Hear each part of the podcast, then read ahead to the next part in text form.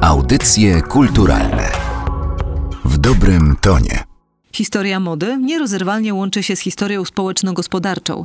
Przyglądając się temu, co ludzie nosili kiedyś, możemy sporo dowiedzieć się o ich obyczajach i warunkach życia. A sposób ubierania nigdy wcześniej nie zmieniał się tak często i tak bardzo, jak w ostatnim stuleciu. Jak na tle zmian w dwudziestowiecznej modzie europejskiej prezentowały się Polki? Sprawdzę to w tym odcinku audycji kulturalnych. Ja nazywam się Magdalena Miszewska, a o modzie będę rozmawiać z Karoliną Żebrowską, miłośniczką stylu vintage i autorką wydanej przez wydawnictwo Znak Książki Polskie Piękno 100 lat mody i stylu.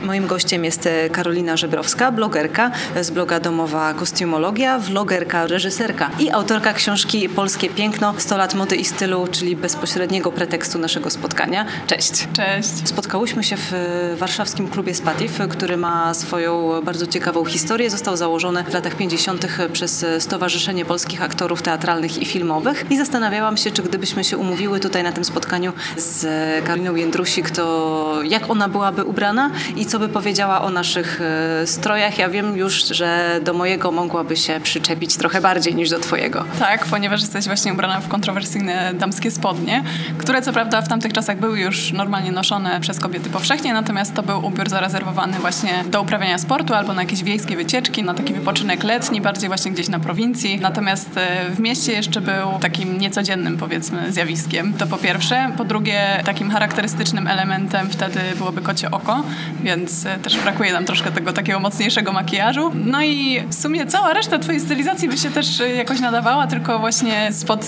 twojej bluzki powinien prześwitywać taki bardzo wystający biustonosz charakterystyczny właśnie dla przełomu lat 50 60 Ten w kształcie stożków i rakiet? Troszkę tak, taki dzisiaj jak na niego patrzymy, to troszkę to wygląda, nie wiem, jak w czasie dzioby, no jest taki dość drastyczny w kształcie. A Kalina Jędrusik w czym by przyszła? No, ponieważ to jest damskie spotkanie, to myślę, żeby aż tak nie szalała. W każdym razie z anegdot tak wynika, że rzeczywiście lubiła się zabawić troszkę modą, zwłaszcza w takim powiedzmy skostniałym polskim środowisku, które jednak y, no, były te suknie, sukienki bardzo takie konserwatywne tak naprawdę.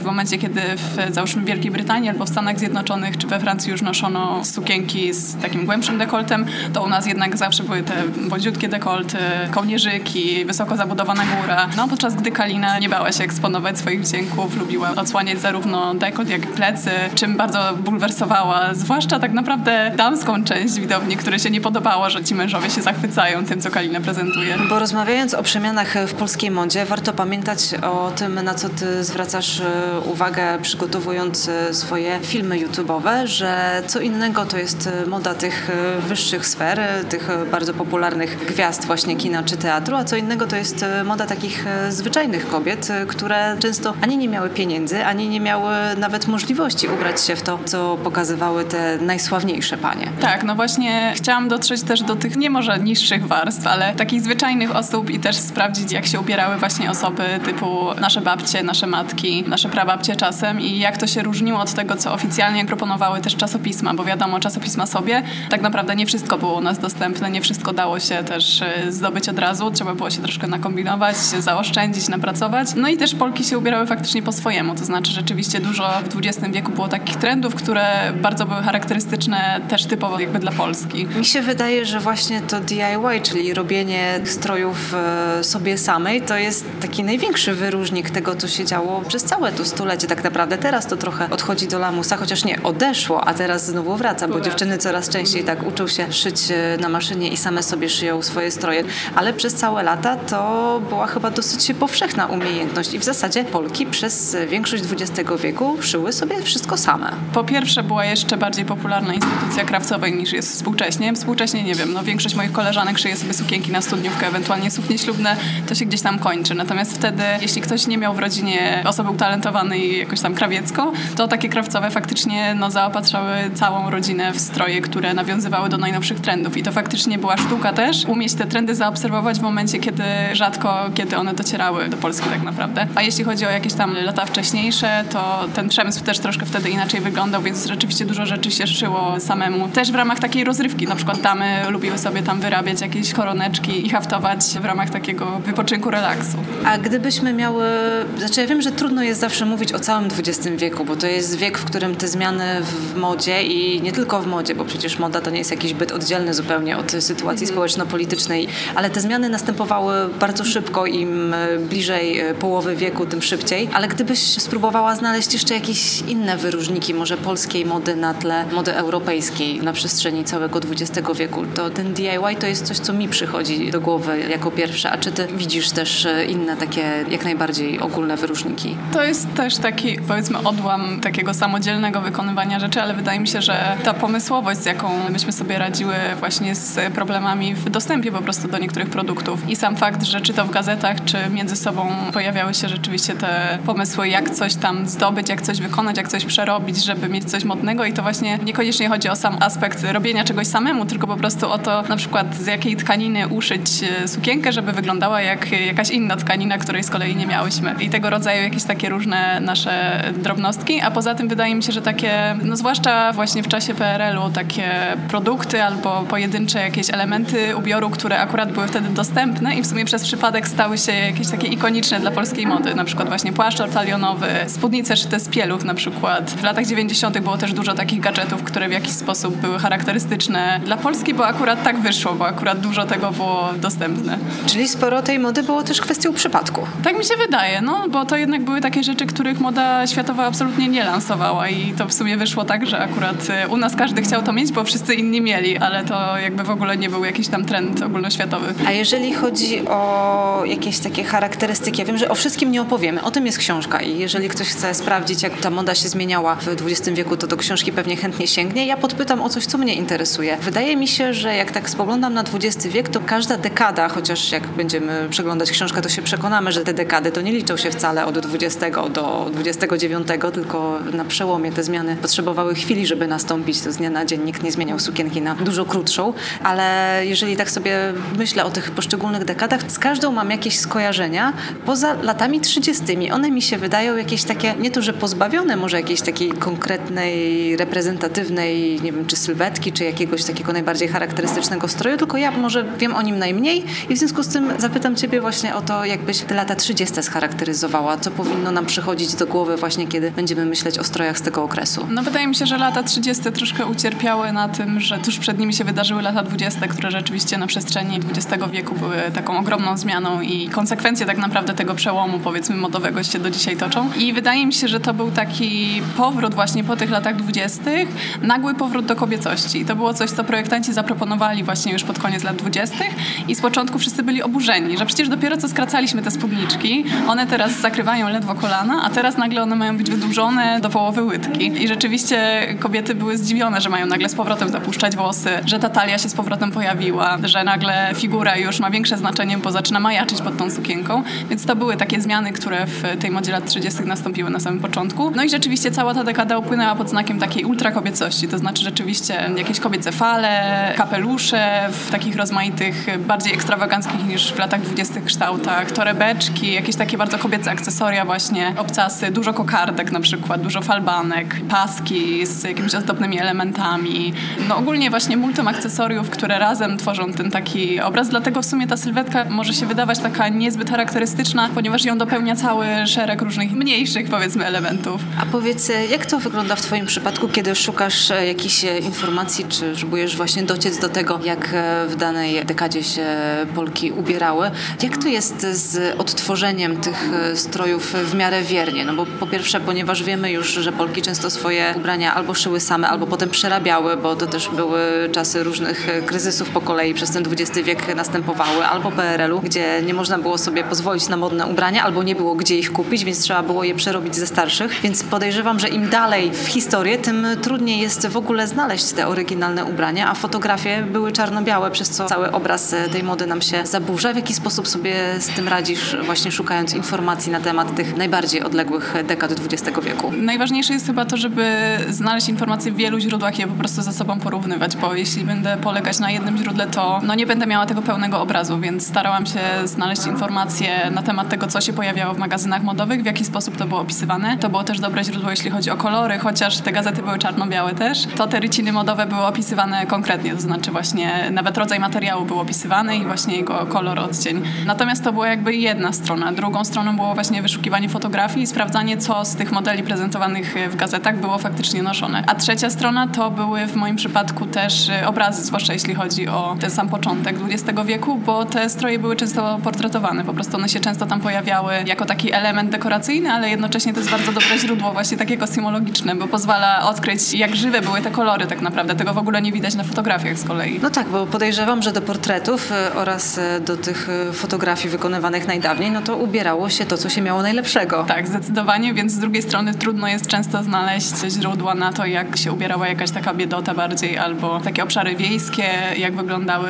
To już są takie fotografie bardziej z przypadku, to znaczy faktycznie, że gdzieś tam widać w tle na przykład jakieś osoby na rynku, na jakimś targu. Natomiast jeśli właśnie ktoś na wsi na przykład się już portretował w studio, no to też zakładał najlepszy swój strój, więc nie widać, co nosił na co dzień. Całe szczęście tych zdjęć jest e, sporo w książce, więc e, można się poprzyglądać, chociaż mam wrażenie, że mogłoby być ich jeszcze więcej, ale to chyba tak jest, czy się mówi o sztukach wizualnych, czy o modzie. Najłatwiej byłoby po prostu wszystko zobrazować jakimś przykładem. A powiedz, czy coś cię zaskoczyło w trakcie pracy nad tą książką? Jakieś modowe ciekawostki, o których nie wiedziałaś albo których się nie spodziewałaś? Bo ja wiem, że ty już od dłuższego czasu zajmujesz się dekonstrukcją takich modowych mitów i te mm lata dwudzieste, to myślę, że o tym chyba też powiemy. Taki twój ulubiony temat do wyjaśniania i też taka dekada, która teraz zrobiła się znowu popularna, a wokół której dużo tych mitów narosło. Ale najpierw, zanim te lata dwudzieste, to czy jakieś zaskoczenia cię spotkały? Czy dowiedziałaś się czegoś, czego się nie spodziewałaś po Polkach? Spodziewałam się jakiegoś takiego większego odstawania od tego, co się działo w innych krajach, no ale okazywało się, że Polki sobie bardzo dobrze radziły z tym nadganianiem trendów, z jakimś takim podążaniem za nimi nawet w momentach, kiedy się po prostu nie dało. No mnie chyba najbardziej zaskoczyła moda polska w okresie II wojny światowej, bo czytając opracowania na temat tej mody, to rzeczywiście brzmiało tak, jakby te kobiety się totalnie już poddały. Niczego nie było, więc nosiło się to, co się znalazło. Podczas gdy na fotografiach naprawdę te sukienki są uszyte według najnowszych wykrojów. Co prawda, no widać, że tkaniny tam są kombinowane z czego się dało. Tutaj obrusik, tutaj kawałek firanki, ale czy to fryzury, czy nawet czasem obuwie widać, że jest starannie jakoś tam dobrane, doczyszczone, mimo że jest już starte totalnie i tak dalej. Więc mimo, że widać na tych fotografiach biedę, to widać też e, taką powiedzmy staranność w kreowaniu swojego wizerunku. Ja właśnie czytając tę książkę i, i w ogóle różne inne artykuły na temat tej mody, mam takie różne uczucia, które się we mnie kumulują. Po pierwsze, to jest uczucie ulgi, że jest rok 2018, ja już nic nie muszę, ani nie muszę żadnych korsetów, ani nie muszę pilnować długości spódnicy, ale z drugiej strony mam też wyrzuty sumienia, że skoro nie muszę, to trochę mi się też nie chce. I tak jak e, właśnie opisywałaś te lata 40, lata wojenne, gdzie te kobiety dbały o swoje uczesanie, nawet w warunkach, e, które zupełnie temu nie sprzyjały. One zawsze miały ułożone włosy i to było przez wiele dekad nie do pomyślenia, żeby mieć włosy po prostu rozpuszczone. No ja teraz sobie zrobiłam kucyka i to jest jakby szczyt moich osiągnięć fryzjerskich i mam przez to właśnie wyrzuty sumienia, szczególnie kiedy jeżdżę po Warszawie i nie wiem, czy to jest dla Warszawy charakterystyczne, ale często mi się tutaj zdarza, spotykam naprawdę bardzo eleganckie panie w wieku mojej babci i mi jest przy nich głupio, że ja po prostu włożyłam na siebie coś na szybko i nie zadbałam o to, żeby wyglądać jakoś tak fajniej, chociaż wcale nie muszę. Tak, to znaczy, no też zauważyłam właśnie, że starsze kobiety są często o wiele bardziej eleganckie ode mnie. No i z jednej strony możemy w sumie brać z nich przykład, bo pokazują, że da się nawet już w takim powiedzmy podeszłym wieku naprawdę być osobą zadbaną i nawet jeśli te stroje nie są jakieś totalnie nowe i drogie, to one mają jakby swój charakter i te kobiety też są zadowolone pewnie z tego, jak wyglądają, to jest jakby to, jak chcą wyglądać. Z drugiej strony, no my mamy też współcześnie wybór, to znaczy fajnie, że kobietom w latach 40 chciało się te włosy cały czas kręcić, ja jestem cały czas pełna podziwu i właśnie mi jest wstyd, kiedy mi się nie chce wieczorem tych włosów zakręcić. Natomiast z drugiej strony dobrze też, że nie mamy dzisiaj takiego wymogu i że nie jest tak, że wychodzimy z domu nieuczesani i wiemy, że się narazimy po prostu na, nie wiem, zszokowanie większej grupy ludzi albo w pracy ktoś nam powie, ale jak ty dzisiaj wyglądasz, przecież masz proste włosy. I w sumie fajnie, że możemy dzisiaj też wybierać z tego, co było kiedyś z tych różnych dekad, różne tam elementy. No dobrze, ale ty mówisz to z włosami jednak zadbanymi i zakręconymi i uczesanymi. To jest zupełnie inaczej. I masz sukienkę. Mamy taki kostium. Ach, masz kostium, czyli jeszcze bardziej elegancko. No właśnie, czy jest jakieś takie rozróżnienie, czy by było między kostiumem a sukienką, że był bardziej elegancki niż sukienka, czy jednak to było tak, że kostium był dla nieco starszych kobiet niż te, które chodziły w sukienkach, czy sukienki były ściśle związane z wieczorowymi stylizacjami, te takie najbardziej eleganckie? Jak to wyglądało? To znaczy zależy też kiedy, bo ten kostium tak naprawdę się pojawił właśnie na początku XX wieku, tam powiedzmy w latach 1910 i tak dalej, tuż przed pierwszą wojną. I on właśnie był takim ubiorem powiedzmy sportowym, ale w takim dawnym tego słowa znaczeniu, czyli po prostu na przechadzanie się po mieście, na załatwianie sprawunków, do pracy, jeśli kobieta pracowała i tak dalej. No i ten kostium faktycznie przez kilka dekad był takim strojem właśnie po prostu do pracy na co dzień, do poruszania się po mieście, do załatwiania rzeczy. Sukienka z kolei mogła być albo taka dzienna, czyli właśnie taka powiedzmy bardziej prosta i bardziej nieformalna, albo właśnie taka elegancka na wieczór, więc to też różnie bywało. No jeśli mówimy tak powiedzmy o latach 40., 50., 60., to wydaje mi się, że na co dzień kostium byłby taki bardziej nieformalny, wbrew pozorom, bo dla nas współcześnie jednak kostium to jest taka już mocna deklaracja, że jestem bizneswoman i idę załatwiać ważne rzeczy. Natomiast wtedy wydaje mi się, że to była taka rzecz nieformalna, natomiast sukienka już była taka bardziej może dla młodych kobiet, ale też bardziej taka elegancka, bo trzeba było też do niej dopasować różne dodatki i tak dalej. I to, co odróżnia pierwszą połowę wieku XX od drugiej, to jest jeszcze to, że do mniej więcej chyba lat 60. było tak, że to, co było najbardziej modne, było również tym, e, co było najbardziej eleganckie, czyli jeżeli miałyśmy przykładowo jakieś bardzo ważne wyjście, jakiś bal, to mogłyśmy spokojnie kierować się tym, co jest w najnowszej modzie, a w późniejszym okresie moda poszła sobie, a to, co było eleganckie, było jednak bardziej klasyczne, no bo nie sposób było w niektórych tych najmodniejszych ubraniach wyjść na bardzo oficjalny bal. Tak, i to w ogóle była taka właśnie jedna z większych rewolucji w XX wieku, bo do tej pory rzeczywiście to, co było najbardziej eleganckie, najbardziej kosztowne, najbardziej skomplikowane, to było właśnie najbardziej modne jednocześnie. Więc e, z góry też niestety wykluczało to wszystkie osoby mniej zamożne, które po prostu nie było stać na ubrania eleganckie w jakimś najnowszym, najświeższym kroju, czy skomplikowanie dekorowane, bo po prostu no, ubrania były też dawniej o wiele droższe, bo też inaczej je produkowano. Natomiast właśnie na przestrzeni XX wieku to takie parcie na elegancję, no tam właśnie pod koniec lat 60. zupełnie zostało wyeliminowane za sprawą też mody młodzieżowej, która tak naprawdę tą elegancję zepchnęła tam gdzieś do lamusa i nagle się okazało, że to, co jest najmodniejsze z elegancją nie ma w ogóle nic wspólnego. No tak, bo o młodzieży wcześniej się nie myślało w tych kategoriach, co teraz. To zdaje się pojawiło się przy okazji wybuchu rock'n'rollowego szału w Stanach Zjednoczonych, kiedy marketerzy wszelkiego rodzaju odkryli, że młodzież jest dobrym targetem, mówiąc mm. współczesnym językiem i można im sporo rzeczy sprzedać i wtedy właśnie się jako taka grupa społeczna pojawili. Zresztą mi się wydaje, że ja przynajmniej tak mam ze względu na swoje zainteresowania muzyczne, że obserwowałam te zmiany w modzie przez taką kliszę amerykańsko-angielską i przeglądając właśnie książkę Polskie Piękno odkrywałam, że ona nie do końca się właśnie wpasowuje w to, co nosiło się w Polsce. I moje myślenie o latach 50. jest zupełnie inne niż te lata 50. powiedzmy w naszym kraju. Tak, no one zdecydowanie były mniej rock'n'rollowe. To znaczy faktycznie o ile ta młodzież zaczęła się powiedzmy budzić do życia właśnie w latach 50. na świecie, to u nas musiała zaczekać właśnie aż do końcówki mniej więcej lat 60. No u nas w latach 50. jeśli chodzi o ubiór, młodzież po prostu nosiła to samo co dorośli, tylko w takiej wersji powiedzmy skromniejszej i dla młodych dziewcząt na przykład e, przewidziane były głównie bluzki i spódnice, oczywiście zabudowane kołnierzyki, takie bardzo skromne w sumie i nie pozwalające się wyżyć powiedzmy artystycznie ubrania. No przykładem na to może być fakt, że na amerykańskie studniówki zakładano bardzo szerokie sukienki z warstwą tiulu w pastelowych kolorach, które wyglądały naprawdę jak cukiereczki, podczas gdy na polskich studniówkach każda dziewczyna musiała być ubrana w białą bluzkę i czarną spódnicę zawsze. A skoro już jesteśmy przy tym PRL-u, to warto wspomnieć, że mimo tego, że u nas e, niełatwo było o tę odzież, która była najmodniejsza w danej dekadzie w pozostałej części Europy, to magazyny modowe stały na naprawdę wysokim poziomie i o modzie się u nas pisało bardzo dobrze i modę się tworzyło również bardzo dobrą, chociażby w modzie polskiej, tylko że no niestety nie była ona dostępna w sklepach. Tak, w ogóle ostatnio się dowiedziałam, co mnie zaskoczyło, że na przykład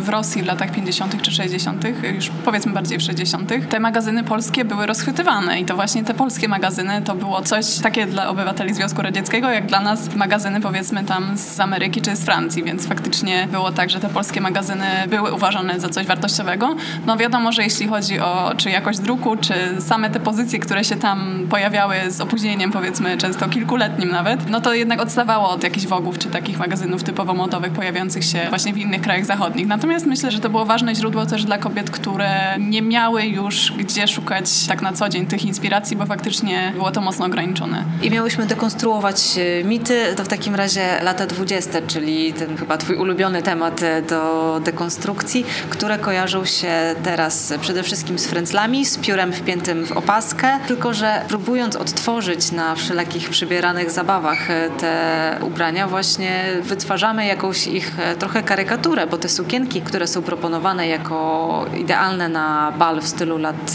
dwudziestych są zdecydowanie za krótkie, to po pierwsze, a po drugie w tych frędzlach to wcale tyle dziewczyn nie chodziło. To jest chyba jedna z najbardziej takich, e, powiedzmy, pokrzywdzonych przez stereotyp e, dekad w XX wieku, bo rzeczywiście była przetworzona wielokrotnie przez różnego rodzaju filmy. No a wiadomo, że w filmach ważniejsze jest to, żeby coś było ciekawe wizualnie albo powiedzmy podrasowane do potrzeb współczesnego widza, niż żeby to było poprawne historycznie. To niestety jest cały czas problem właśnie w tych produkcjach historycznych, które się rządzą swoimi prawami. No i faktycznie przez to mamy taki stereotyp tej takiej mini, co jest bardzo ciekawe, bo te sukienki wtedy tak naprawdę nigdy nie odsłaniały kolana. I rzeczywiście sukienki, które odsłaniały kolano, to były wyłącznie jakieś stroje estradowe czy stroje tancerek, podczas gdy tak naprawdę te kolana pozostawały zasłonięte. Co jest ciekawe, bo z naszego punktu widzenia to absolutnie nie jest mini, to jest długość wręcz chyba już prawie że midi. Wynika to po części z tego, że wtedy dla nich to była rzeczywiście szokująca zmiana. Dla kobiet w tym czasie, przyzwyczajonych do tego, że odsłaniało się najwyżej tam kawałek łydki, powiedzmy no maksymalnie pół łydki, to w momencie, kiedy ta łydka się pojawiła cała, to to była ogromna zmiana, więc z ich punktu widzenia to było znaczne skrócenie spódnicy. Natomiast z naszego punktu widzenia coś szokującego, jeśli chodzi o zakres długości, to by właśnie musiała być taka mini, powiedzmy do połowy uda, bo też inaczej na to patrzymy i wydaje nam się, że jeśli spódnice się znacznie skróciły, to znaczy, że z naszego punktu widzenia one powinny właśnie tam mniej więcej sięgać. No ale tak naprawdę było inaczej. Jeśli chodzi o te frędzle, to słuchałam właśnie ostatnio podcastu o tym, że tak naprawdę frędzle były bardzo drogie w produkcji, więc bardzo niewiele osób było na nie stać, bo każdy frędzel trzeba było wszywać osobno do takiej sukienki. Więc to jest taki kolejny stereotyp. Były sukienki z frędzlami, to jakby nie jest coś, co nie istniało wtedy, natomiast podobno była ta bardzo mała ich ilość. Zmieniłyśmy e, salę w klubie, to możemy zmienić też szybko temat rozmowy i przejść z książki do tego, czym ty się zajmujesz. I chciałam ciebie zapytać, kiedy ty sobie postanowiłaś e, zrekonstruować e, jakąś pierwszą odzież z lat minionych i co to było? Pierwszy raz to było, kiedy chodziłam na takie tańce historyczne i usłyszałam o tym, że mam być pierwszy bal w stylu Jane Austen i stwierdziłam wtedy, dobra, to jest ten moment. A akurat naczytałam się właśnie blogów poświęconych szyciu kostiumów, bo rzeczywiście było tego wtedy straszne ilości. No i okazało się, że rzeczywiście dziewczyny same sobie szyją te stroje, więc e, postanowiłam jakoś to spróbować osiągnąć. Co prawda ani nie umiałam szyć, ani nie znałam się na tym totalnie. No ale z pomocą tam rodziców, z wykorzystaniem zasłon, które wisiały u nas e, w pokoju, z wykorzystaniem współczesnych wykrojów i zamka błyskawicznego powstała moja pierwsza sukienka, której oczywiście już teraz nie zakładam na żadne wydarzenia, bo już jakby no zdaję sobie sprawę z wszystkich błędów, które tam przy robieniu jej popełniłam, no ale to był taki pierwszy twór, przy którym też się mnóstwo nauczyłam, więc no z sentymentem ją wspominam sobie. Ale masz ją jeszcze gdzieś tam oprawioną w ramkę i nad łóżkiem? Tak, absolutnie jej nigdy nie wyrzucę. A jeżeli chodzi o twoje zainteresowania modą, to skąd one się wzięły? Widziałam w książce są zdjęcia twojej babci w modnych strojach e, sprzed lat, czyli to gdzieś w rodzinie płynie? Trochę tak, to znaczy no babcia właśnie żyła jeszcze w czasach, kiedy elegancja to znaczyło bycie modnym, więc naturalnie była elegancka i była jednocześnie modna. Mama z kolei już lubiła tak sobie eksperymentować, zaprojektować coś sama, zainspirować się tymi zachodnimi czasopismami. Brała udział nawet w konkursach na zaprojektowanie tam sukienki i tak dalej, więc zdecydowanie już bardziej kreatywnie do tego podchodziła. No ja przez dłuższy czas tak w sumie w modzie współczesnej się w ogóle nie mogłam odnaleźć, ale odkryłam właśnie później tę modę, która już była i okazało się, że to jest kopalnia tego, co mnie interesuje. To, co mi się z tobą kojarzy i to, co mi się podoba w tych rzeczach, które robisz, jest to to, że traktujesz e, modę poważnie i nie ma w tobie zgody na to, żeby właśnie tak powierzchownie przygotowywać te wszystkie jakieś przeglądy, zmian przez dekady, bo wydaje mi się, że ciągle sporo osób myśli o modzie jako czymś takim oderwanym od rzeczywistości i w zasadzie mało istotnym, a tak naprawdę przecież te wszystkie stroje pojawiały się w danym okresie z jakiegoś powodu i one są ściśle związane w ogóle z całą historią i w zasadzie historia mody przecież jest takim pełnoprawnym działem historii. Tak, a wydaje mi się, że właśnie wciąż jest traktowana po macoszemu troszkę przez historyków i tak naprawdę na całym świecie, że to jest taka jeszcze dziedzina, taka niepoważna historia. A wydaje mi się, że właśnie jest bardzo poważna i bardzo tam jest dużo takich ciekawych zjawisk właśnie społecznych, historycznych, które ta moda w sobie też zawiera i odzwierciedla to, co się działo. Więc wydaje mi się, że dla takiego badacza, historyka to to, co się działo w modzie jest bardzo istotne i bardzo istotne jest też to, żeby każdy miał jakiekolwiek tam pojęcie o tym, co się w tej modzie wyprawiało tak naprawdę przez wieki. Wpisując e, w YouTube e, hasło 100 lat piękna znajdziemy film, który ty przygotowałaś, poświęcony właśnie zmianom w polskiej modzie przez poszczególne dekady, ale ty skupiłaś się wtedy na Polkach takich zwyczajnych, a nie na gwiazdach e, ekranu, czy teatru, czy innych znanych wtedy osobistościach, których zdjęcia zazwyczaj znajdziemy jako pierwsze, wpisując sobie takie hasła w internecie, próbując sprawdzić, co się w danym okresie nosiło. No ten filmik właśnie powstał z takiego pragnienia, bo tych filmików jest bardzo w tej chwili dużo, to znaczy rzeczywiście dużo krajów zostało w jakiś sposób tam sportretowanych przez te różne dekady, przez 100 lat. Natomiast no, Polska oczywiście się nie załapała do tych krajów, co jest częstym przypadkiem. A myślałam sobie, że szkoda, bo jednak u nas ta historia ubioru wyglądałaby zupełnie inaczej i na inne rzeczy w ogóle by była zwracana uwaga. U nas jednak ten kontekst historyczny, właśnie to, co się wtedy działo, jak Polki żyły, jest ogromnie ważny i tak naprawdę wręcz przyćmiewa właśnie te wszystkie gwiazdy, te osoby takie bardziej znane czy zamożne, które tak naprawdę nie miały aż tak ogromnego wpływu na to, jak Polki wyglądały na co dzień, bo po prostu do niektórych rzeczy się nie dało przeskoczyć też. Przypominając modę, zwracamy też oczy i uszy zainteresowanych historią na zwyczajnych ludzi. No myślę, że najlepiej mieć obraz całości, a jednak ta całość to nie były tylko te piękne suknie w magazynach, tylko też to, co noszono po domu, to, co noszono do pracy, to, co noszono do fabryki, mundury, jakieś stroje pielęgniarek i tak dalej, więc starałam się wplatać też takie wątki, żeby to była jakby bardziej barwna opowieść, a nie tylko takie idealistyczne pokazywanie tego, co Polki chciały mieć. A gdybyś miała wybrać jakąś dekadę, jakiś jeden styl, to potrafiłabyś? Masz jakiś taki swój ulubiony okres, w którym się czujesz najlepiej? Do noszenia, no to lata 40. Bardzo je lubię i to jest bardzo fajna sylwetka i bardzo łatwo też jest jakby za nią nadążyć, to znaczy faktycznie są takie konkretne zasady, których się należy trzymać i dzięki temu też jest łatwo dobrać sobie strój. Natomiast jeśli chodzi o taką odzież, której bym powiedzmy nie założyła ze względów praktycznych, no to podoba mi się kilka okresów. No w zasadzie większość dekad w XIX wieku jest bardzo dla mnie interesująca. Właśnie ten początek XX wieku, tam 1900 rok i nawet tam wcześniejsze czasy, XVIII wiek, moda elżbietańska, ale to już są takie naprawdę zamierzchłe epoki modowe. No trudno byłoby w tym wsiąść do tramwaju. To na pewno, zresztą próbowałam i nie polecam. Audycje kulturalne w dobrym tonie.